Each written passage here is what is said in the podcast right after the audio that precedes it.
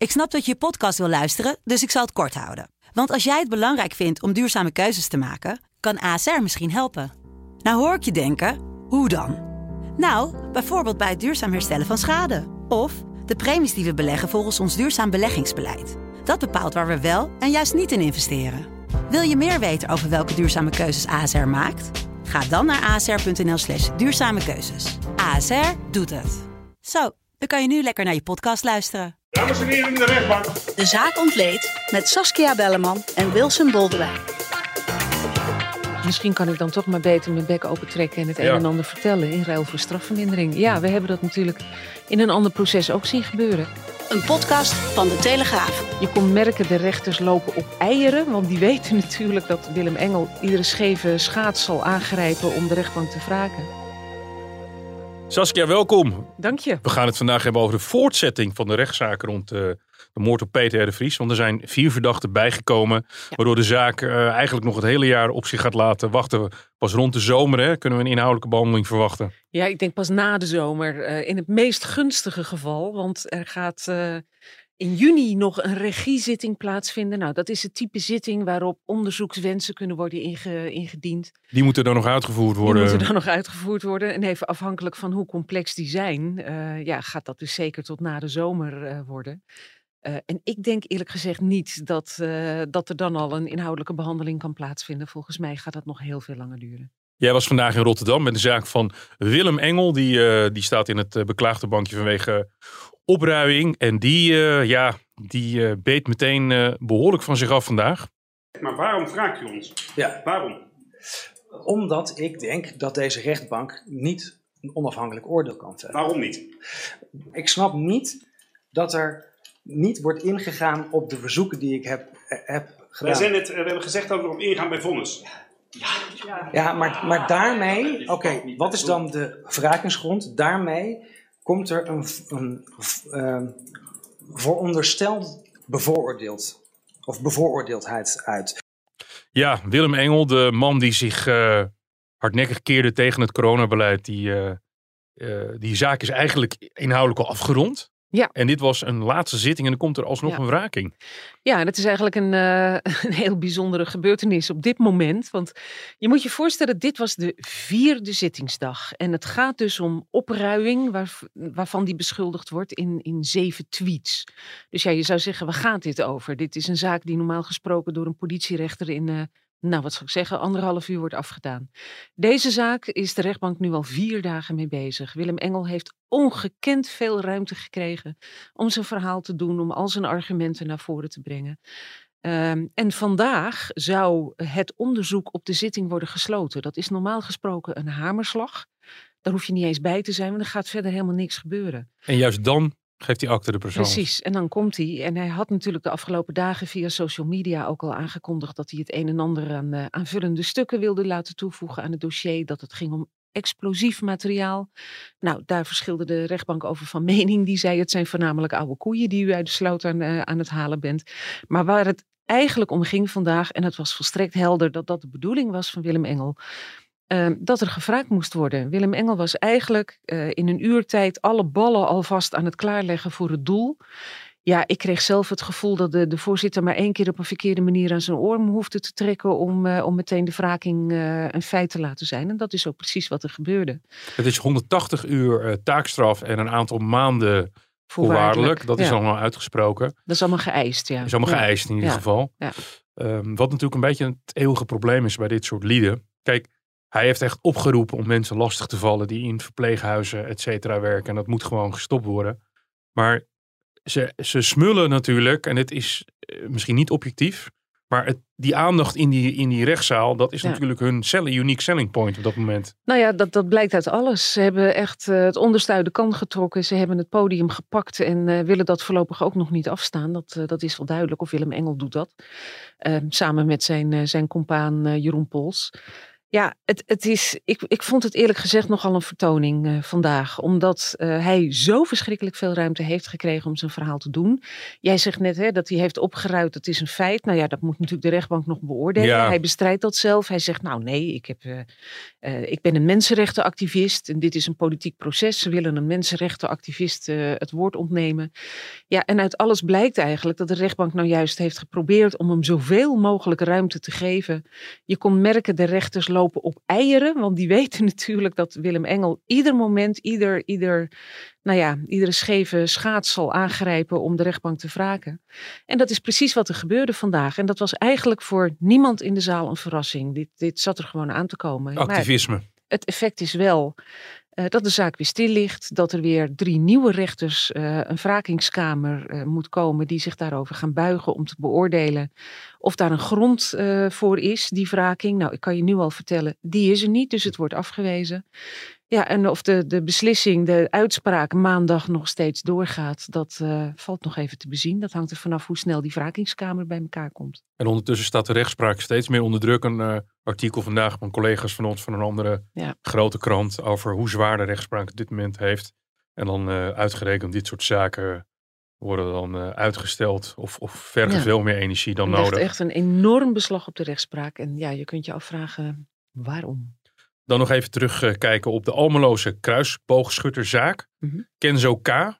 Ja. Het openbaar, openbaar, Ministerie is in hoger beroep gegaan, in, ja. in beroep gegaan tegen de uh, uitspraak van de rechtbank. Ja.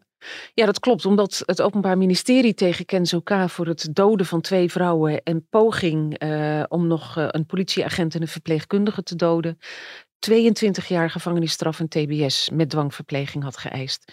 Terwijl deskundigen van het Pieter Baan Centrum hadden gezegd: deze man was volledig ontoerekeningsvatbaar. Met andere woorden, die kun je niet meer verantwoordelijk houden uh, voor zijn daden. Die is gewoon ziek en die moet behandeld worden. Nou, het Openbaar Ministerie heeft gezegd: daar gaan wij niet helemaal in mee. Uh, hij heeft zichzelf voor een deel in die situatie gebracht door drugs te gebruiken. Uh, en wij zien dat hij nog wel degelijk in staat was om afwegingen te maken. En dat duidt erop dat hij niet helemaal ontoerekeningsvatbaar was. Vandaar die combinatie lange gevangenisstraf TBS. Dat is een rare combinatie. Dat heb ik in een vorige ja, podcast wel eens al. uitgelegd. Dat is eigenlijk een manier om iemand zo lang mogelijk van de straat te houden. Maar normaal gesproken wordt een gevangenisstraf juist wat lager als hij in combinatie met TBS wordt opgelegd. Om een behandeling een zo goed mogelijke kans te geven. En ja, de rechtbank is dus niet meegegaan met de redenering van het Openbaar Ministerie. De rechtbank heeft gezegd: wij gaan mee met het oordeel van de deskundige. Hij is volledig ontoerekeningsvatbaar en hij kan dus alleen maar TBS krijgen.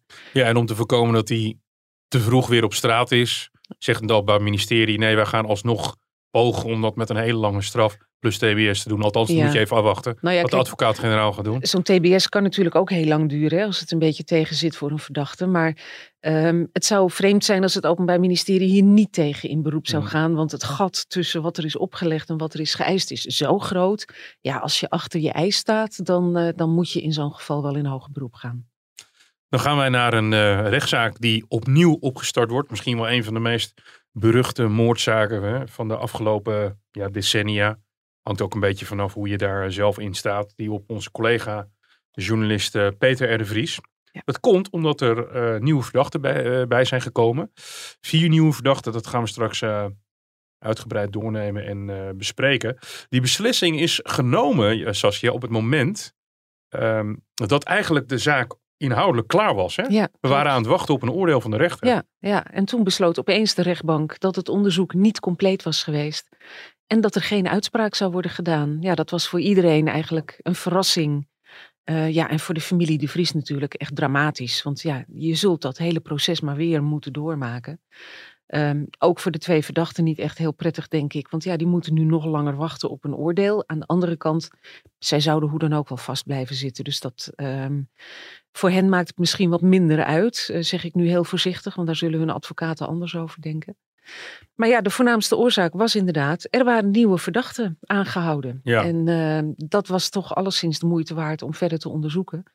En de rechtbank heeft op een gegeven moment besloten dat die twee onderzoeken die in eerste instantie apart liepen, die tegen de twee uitvoerders en die tegen die vier nieuwe verdachten, dat die eh, toch maar beter samengevoegd konden worden, omdat er zoveel overlappingen zijn. Je kunt het wel als twee aparte zaken behandelen, maar dat is misschien niet zo handig. Wij hadden Delano G. en Camille E. Respectievelijk de schutter en de chauffeur. Maar al heel snel bleek dat er nog een Poolse verdachte Ja. moest zijn. Ja. En eh, die is uiteindelijk ook gevonden. We wisten dat er een paar mysterieuze filmers waren. Twee Mhm. donkere jongens die allebei aan het filmen waren. Of althans, één van hen aan het filmen in toevallig dezelfde kleding. Ja. Ehm, ja, en we wisten natuurlijk ook, eh, Peter R. de Vries is niet zomaar vermoord. Eh, dit is een opdracht van iemand gebeurd. Dus er moesten allerlei lijntjes en linkjes zijn met, met andere mensen. Dus Ja. in die zin is het eigenlijk ook goed dat de zaak nu groter is geworden. Ehm, en wat interessant is, eh, Camille E., Mhm. dat weet jij zeer beter dan ik, daar is ook altijd een, door de eh, verdediging gezegd, hij is heel erg onder druk gezet. Ja, er is eigenlijk door de verdediging altijd gezegd ehm, dat hij zou zijn benaderd om de aanslag zelf te plegen. Dat hij dat heeft geweigerd. Dat hij ook heeft geprobeerd om er, om er helemaal aan te ontkomen. Nou, dat lukte dus niet. Dus uiteindelijk is hij terechtgekomen in de rol van bestuurder van de vluchtauto. En eh, de man die ook voorverkenningen deed. Eh, maar dat hij dat niet uit vrije wil zou hebben gedaan. En dat hij echt niet anders kon dan, nou ja, er maar gewoon in meegaan.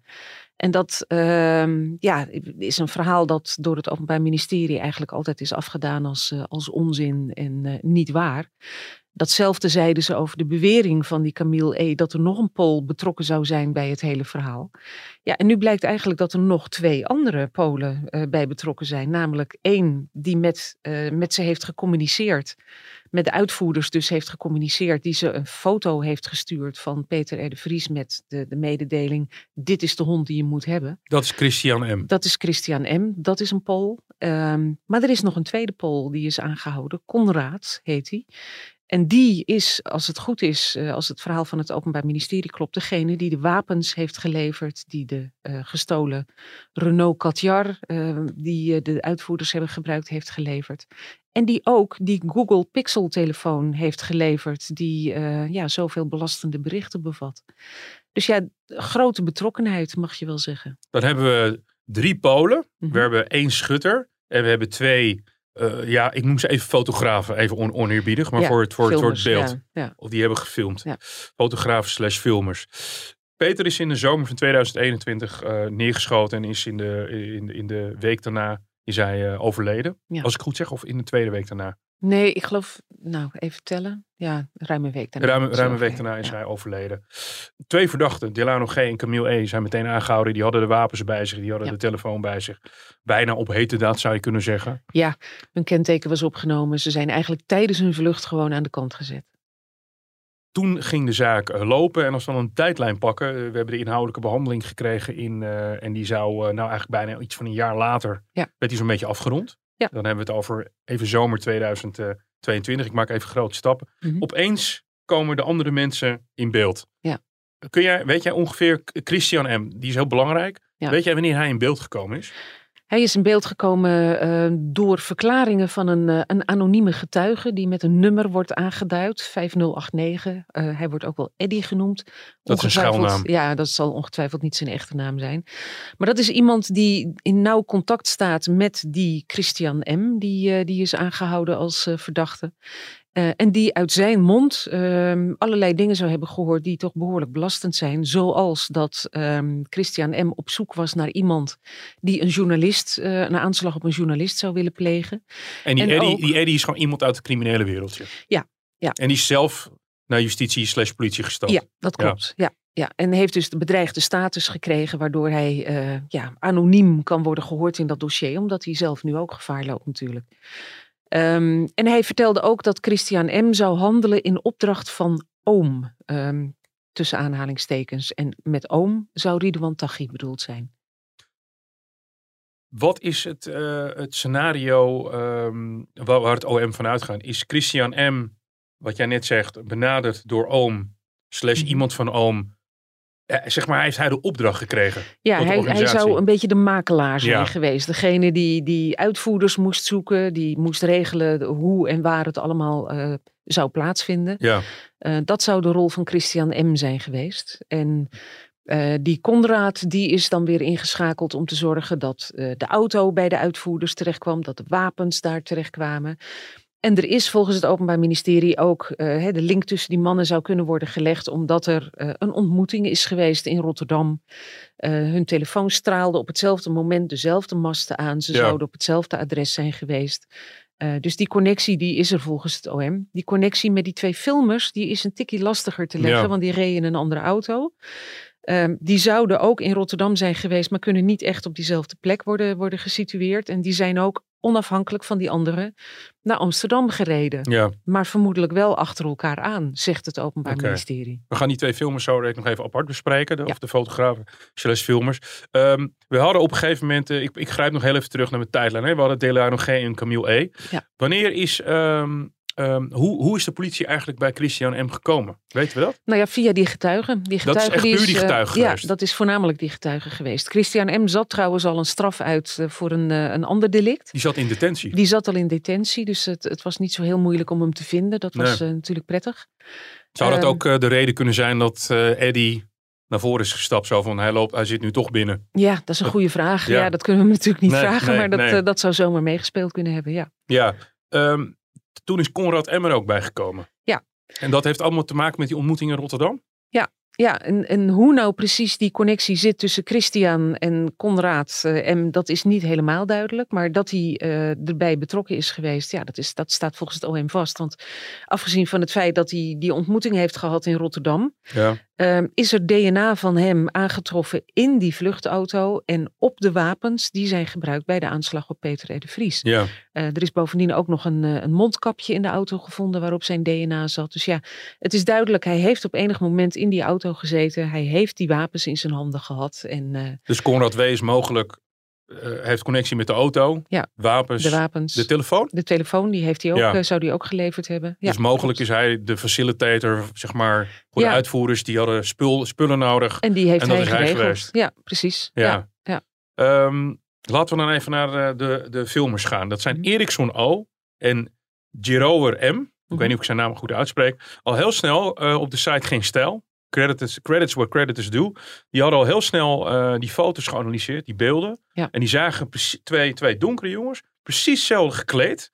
Waardoor je heel moeilijk de een van de ander kan Ja. eh, ontwaren. Hadden gezegd van, die, die, die, dat, die, zijn, die lopen daar niet toevallig. Nee. En dat bleek ook, te, althans, gaat OM nu vanuit dat het klopt. Ja, het OM zegt zij zaten in de McDonald's ehm, en de hele tijd. En op het moment dat Peter R. de Vries eh, de studio van RTL Boulevard via die achteruitgang verliet en op weg ging naar de parkeergarage in de Lange Leidse Dwarsstraat, hebben zij de McDonald's verlaten en zijn ze achter hem aangelopen. Nou, ze liepen een beetje, een beetje te lummelen, zeg maar. Tot op het moment dat Peter R. de Vries is neergeschoten. Toen zijn ze er naartoe gelopen. En in plaats van eerste hulp te verlenen, zijn ze gaan filmen. En heel snel daarna zijn die beelden eh, van een zwaargewonde Peter R. de Vries op social media terechtgekomen. Het is ongelooflijk als je je realiseert. Dat is een beetje die theorie van de rijskorrel. Van het, van het dambord, weet je wel. Twee Ja. korrels. Ja. En dan de, de som daarvan. Dat die, die, ik denk dat in no time miljoenen mensen dat moet gezien moeten hebben. Ja, dat denk ik dus ook. Ja. Ja, en dat was ook precies de bedoeling, eh, denkt het OM. Ehm, vandaar ook dat die nieuwe verdachten een terroristisch motief te lasten wordt gelegd. En ja, een terroristisch motief heb je als je eigenlijk, als het je niet alleen maar te doen is om die moord, maar om gewoon de hele maatschappij angst aan te jagen. om te laten zien, hè, wij schrikken niet terug voor het plegen van zo'n aanslag midden in, in het centrum van Amsterdam, in een hele drukke buurt, voor het oog van god weet hoeveel getuigen. Nou, dat is volgens het, eh, het Openbaar Ministerie duidelijk een terroristisch eh, motief geweest. En dat wordt ze dus ook te lastig gelegd. Hoe, hoe is de politie Eriksson en, en Girower eh, M op het Eriksson en Girower M op het spoor gekomen? Want zij waren wel of niet bij die meeting in Rotterdam. Is dat ook via diezelfde getuigen gegaan? Nou ja, zij waren volgens het OM ook bij die, in ieder geval in Rotterdam, of Ja. ze ook bij die ontmoeting waren. Ja, dat is niet helemaal aan te tonen, denk ik. Maar dat is vooral vastgesteld op basis van waar hun telefoons masten aanstraalden. Ja. En op hetzelfde moment dat eh Conrad M. met die auto en die wapens naar Amsterdam reed, eh, zijn dus ook die twee filmers naar Amsterdam gereden. Ja. Dus het Openbaar Ministerie koppelt daar de conclusie aan van nou, dat ze zijn gewoon samen opgetrokken en gezamenlijk naar Amsterdam gereden. Dat wordt door de verdediging natuurlijk wordt dat bestreden. Ja, maar wie, wie, wat ik bedoel, wie heeft hun geïdentificeerd? Weet jij dat? Is dat, is dat in het onderzoek verteld? Ja, dan moet ik je even het antwoord op Ja. schuldig blijven. Dat nou, weet het is ook heel veel informatie. Ja, je ja. doet ook heel veel rechtszaken, dus ik vergeef je dat eh, meteen. ik weet dat een van hen op een gegeven moment eh, op eh, een van de ABC-eilanden was, volgens mij Curaçao. Ja. Toen hij aangehouden is. De andere is gewoon in Nederland aangehouden. Hè? Ja, ik dacht van wel, ja. Ja, ja. Jij bent bij die zaak geweest. Wat voor, wat, voor, wat voor indruk kreeg je van die mannen? We, we weten dat, eh, dat eh, Delano G. al niet zo heel veel zei. Nee, die Camille was, die E. was er ook niet. Die was ook liet, niet. die liet verstek gaan bij deze zitting. Eh Camille E. was er wel. Het enige wat hij heeft gezegd is dat hij bij zijn verklaringen, zijn eerder afgelegde verklaringen blijft. Verder heeft hij niets gezegd. Ja. Ja, en eigenlijk hebben alle andere verdachten er het zwijgen toe gedaan. Niemand heeft iets Echt willen helemaal zeggen. niets, noppes nada. Helemaal niks, nee. Christian M. zat er zelfs zwaar vermomd bij, ongetwijfeld omdat er rechtbanktekenaars in de zaal waren. Ja. Hij had een capuchon over zijn hoofd getrokken, een mondkapje voor zijn gezicht. Dus ja, hoe de rechtbank heeft kunnen vaststellen dat hij het ook daadwerkelijk was. eh, nou ja, dat kun je je afvragen. Het, het verbaast mij altijd een beetje dat dat wordt toegestaan. Maar de, ja, de ene rechter is daar wat strenger in dan de ander. ja. Maar ze hebben dus geen van allen eh, iets gezegd. Als je naar, naar de bewijslast nu kijkt, hè, Mhm. en eh, als we de strafeisen van eh, Delano G. en Camille E. er even bij pakken. Mhm. Dat was destijds Levenslang. levenslang. Ja. Ehm, dan heb je dus één, ik noem hem weer even de facilitator. Ja. De ander is de, is de moordmakelaar geweest. De Ja. andere twee zijn de filmers geweest. Ja. Ehm, dan praten we eigenlijk wel over een, nou ja, in het verlengde van levenslang. Dus de moord met z'n allen en in vereniging organiseren. Ja. Over een zeer eh, forse strafeisen straks. Ja, daar, daar mag je wel van uitgaan. Terwijl een terroristisch motief dat ook ter laste is gelegd ook leidt hè, tot Ja. zwaardere straffen. Dat is ook een punt waar de verdediging erg op insprong en zei van ja, dit is alleen maar om een zwaardere straf te kunnen eisen door het OM. Dus die liepen daar nogal tegen te hoop. Ja.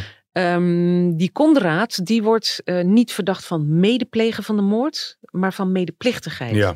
Dat is lichter dan medeplegen. En Ja. dat heeft alles te maken met het feit dat hij niet geplaatst kan worden op de plek van de moord. In tegenstelling tot die andere, andere verdachten. Ehm, hij is dus inderdaad de facilitator geweest. En dat betekent dus dat hij medeplichtig is geweest. Dat hij er mede aan heeft bijgedragen Ja. dat dit kon gebeuren. Maar dat hij niet betrokken is geweest bij de uitvoering. En niet ter plekke aanwezig is geweest. Want dat is iets waar het OM niet in gelooft. Ehm, Camille E., de bestuurder van de vluchtauto, heeft natuurlijk altijd gezegd: er zal nog iemand bij Ja. ons in de auto, eh, een Pool. Nou, daarvan zegt het OM nog steeds, ondanks de vondst van DNA van Conrad in die auto, en zijn mondkapje in die auto. Daar geloven wij niet in. Er is Nee. geen enkel ander bewijs dat hij ook in die auto heeft gezeten. Op de weg van Rotterdam naar Amsterdam. Naar Amsterdam, en precies. Amsterdam naar Leidschendam. Ja, ja. ja. Nou, op de terugweg zal hij er niet meer in gezeten hebben. Nee. Maar ook op de heenweg zegt het OM, wij geloven daar niet in. Hij heeft volgens ons niet in die auto gezeten. Er is geen enkel bewijs dat er nog een derde persoon in die auto heeft gezeten. Maar dat hij eh, best wel een belangrijke rol heeft gespeeld die hem medeplichtig maakt, eh, zegt het OM. Dat is wel degelijk het geval. Wat zegt de verdediging als het gaat om, eh, je hebt al iets gezegd hè, over, over Conrad, dat hij, hij valt niet 1, 2, 3 in die auto te plaatsen. Nee. Eh, wat wordt er bijvoorbeeld gezegd over Christian M? Nou, over Christian M. wordt inderdaad gezegd dat hij degene is die communiceerde met de uitvoerders. Ja. En dat hij dus het eh, heeft verteld hoe, waar en, en op wie die aanslag moest plaatsvinden. Wat heeft de verdediging gezegd daarover? De verdediging heeft niet heel veel gezegd. Het, is overigens dezelfde, het zijn dezelfde advocaten als die een van de andere verdachten bijstaan. Dat is op zich wel bijzonder, want dat kan natuurlijk leiden tot... eh, Ja, tot, wat is de eh, rol van de een, wat is de rol van de ander? ja, dat kan natuurlijk op een gegeven moment gaan strijden met elkaar. Maar op dit moment zien de advocaten dat niet als een, als een groot probleem. Ja, zij, zij zeggen dus dat, het, eh, dat de rol van Christian M. helemaal niet vaststaat. Ehm, dat er misschien wel in het Pools is gecommuniceerd. Maar het is maar de vraag of, dat, eh, of, dat, of hij dat was. Ehm, de verdediging van Conrad heeft eigenlijk nog helemaal niks gezegd. En ja, de verdediging van de beide filmers is vooral, eh, heeft zich vooral verzet tegen dat, dat terroristisch motief. En heeft gezegd, ja, dat is symboolpolitiek van het Openbaar Ministerie. Ja, Die doen dat alleen maar om een zo groot mogelijke, zo hoog mogelijke straf te kunnen eisen. Eh, en dat slaat nergens op. er is ook nog een neef van uh, Ridouan Taghi eh, opgepakt. Hè? Die zit in detentie. Waarvan wordt gezegd, hij is mogelijk die link. Heeft, dat in, heeft dat in het hele onderzoek nog een rol gespeeld nu? Ook in de proforma? Nou ja, sterker nog, het hele onderzoek loopt nog. En, Ja. en het Openbaar Ministerie heeft heel nadrukkelijk gezegd dat ze niet uitsluiten dat er nog meer aanhoudingen worden gepleegd en dat er nog meer verdachten bij komen. Ja, in theorie dit- zou Dit zou Taghi zomaar... nog als opdrachtgever Dat zou kunnen. Ehm, kijk, Ridwan Taghi wordt natuurlijk in meerdere uh, processen genoemd hè, Ja. als opdrachtgever. Tot nu toe heeft het Openbaar Ministerie ervoor gekozen om hem alleen in Marengo te vervolgen. Wat ja, strafrechtelijk ook genoeg is eigenlijk. Voor levenslang Ja. is dat eigenlijk Ja, genoeg als de feiten bewezen worden geacht. Dus ja, dan kun je je natuurlijk afvragen, heeft dat zin? Aan de Hm. andere kant, Waarheidsvinding. ja. En ik kan me voorstellen dat voor nabestaanden het best heel belangrijk is om te weten uit welke hoek kwam dit nou. En dat dat, dat vastgesteld wordt, dat is niet onbelangrijk natuurlijk. Eigenlijk is het een beetje gek, maar de eerste aanleg, want als deze kerels blijven zwijgen, Hm. is eigenlijk niet zo, in die zin niet zo heel interessant, behalve de strafmaat. Het gaat erom, dat weten wij uit vorige processen, wat gebeurt er als de mannen eenmaal hun veroordeling hebben en er komt een hoger beroep aan? Ja. Want dan worden de knopen geteld. Ik Ja. heb nu levenslang. Misschien kan ik dan toch maar beter mijn bek open trekken en het een Ja. en ander vertellen in ruil voor strafvermindering. Ja, Hmm. we hebben dat natuurlijk in een ander proces ook zien gebeuren. Hè, met iemand die. eh, Fred Ros. Dat, die en, eh, en meer recent eh, Ilias K. Die Ja. ook in een, eh, een, een hele hoge strafeis aan zijn broek kreeg. En vervolgens besloot, ik ga toch maar een boekje open doen. Ja, Over deze criminele organisatie waartoe ik behoorde. In, in ruil voor strafvermindering. Ja, dat zou heel goed ook in deze zaak natuurlijk kunnen gaan spelen. Dat in eerste instantie iedereen denkt van nou, ik hou mijn bek. En misschien hebben ze niet genoeg bewijs en kom ik ermee weg. En als dan op een gegeven moment blijkt dat dat niet zo is, dat ze dan denken van nou, misschien toch maar eh, wat meer vertellen. Opening van zaken geven. Voorlopig moeten we dus nog even wachten op een inhoudelijke behandeling. Ja. Eh, zoals ik het jou eh, hoor zeggen, gaat het ook heel erg technisch worden. Hè? Ja. Straalgegevens, wie, wie ging van A naar B. Het wordt een Ja. klein beetje een soort technische verhandeling, omdat je natuurlijk twee mannen zijn duidelijk al op de plaats delict. Ja. De andere is, is, is communicatie. Ja. Maar er zijn gewoon geen. Er is wel een, een, een, een anonieme getuige die, heeft die, die mensen op een bepaalde manier plaatst. Ja. Maar Je moet daar bewijs voor zien te vinden. En Ja. eigenlijk dat zie je in iedere strafzaak terugkomen tegenwoordig. Er wordt gekeken naar eh, telefoongegevens. eh, met wie hebben ze gecommuniceerd? Zijn er linken te leggen tussen de verdachten? Waren ze toevallig op hetzelfde moment op dezelfde plek? Hè? En als ze niet zijn gezien, hebben ze dan dezelfde masten aangestraald? Nou, dat zijn, dat zijn allemaal dingen die spelen mee. Ze gaan kijken naar snelwegcamera's. Zijn kentekens van de auto's waarin eh, deze personen zich voortbewogen in beeld gekomen? wie zat Op nou welk echt, tijdstip, wie was wie nou zat echt aan boord? Ja, precies. Precies, nou allemaal dat soort dingen worden dan met elkaar gecombineerd. Ja, en op het moment dat verdachten niets willen zeggen, maar het bewijs is, is eh, in, in ruime mate aanwezig, ja, dan kan dat zwijgen tegen ze worden gebruikt. Want dan schreeuwt dat bewijs gewoon om een verklaring. En als die achterwege blijft, ja, dan, dan eh, gaat het meer in je nadeel meewegen. Maar ik denk dat ze vooralsnog eh, het idee hebben van zolang wij niks zeggen en niet al te veel informatie geven, wachten we rustig even af waar het Openbaar Ministerie mee komt. En dan gaan we eens verder besluiten hoe onze procespositie zal zijn. We hebben in ieder geval maart, april eh, weer een proforma zitting. Want Ja. dan zitten we weer aan drie maanden termijn. En dan ben jij daar eh, voor ons bij aanwezig. Saskia, bedankt. Vindt u dit een eh, leuke podcast? Laat u dan een recensie achter afhankelijk van het platform waarop u dit luistert. Mijn naam is Wilson Boldewijn en tot de volgende keer.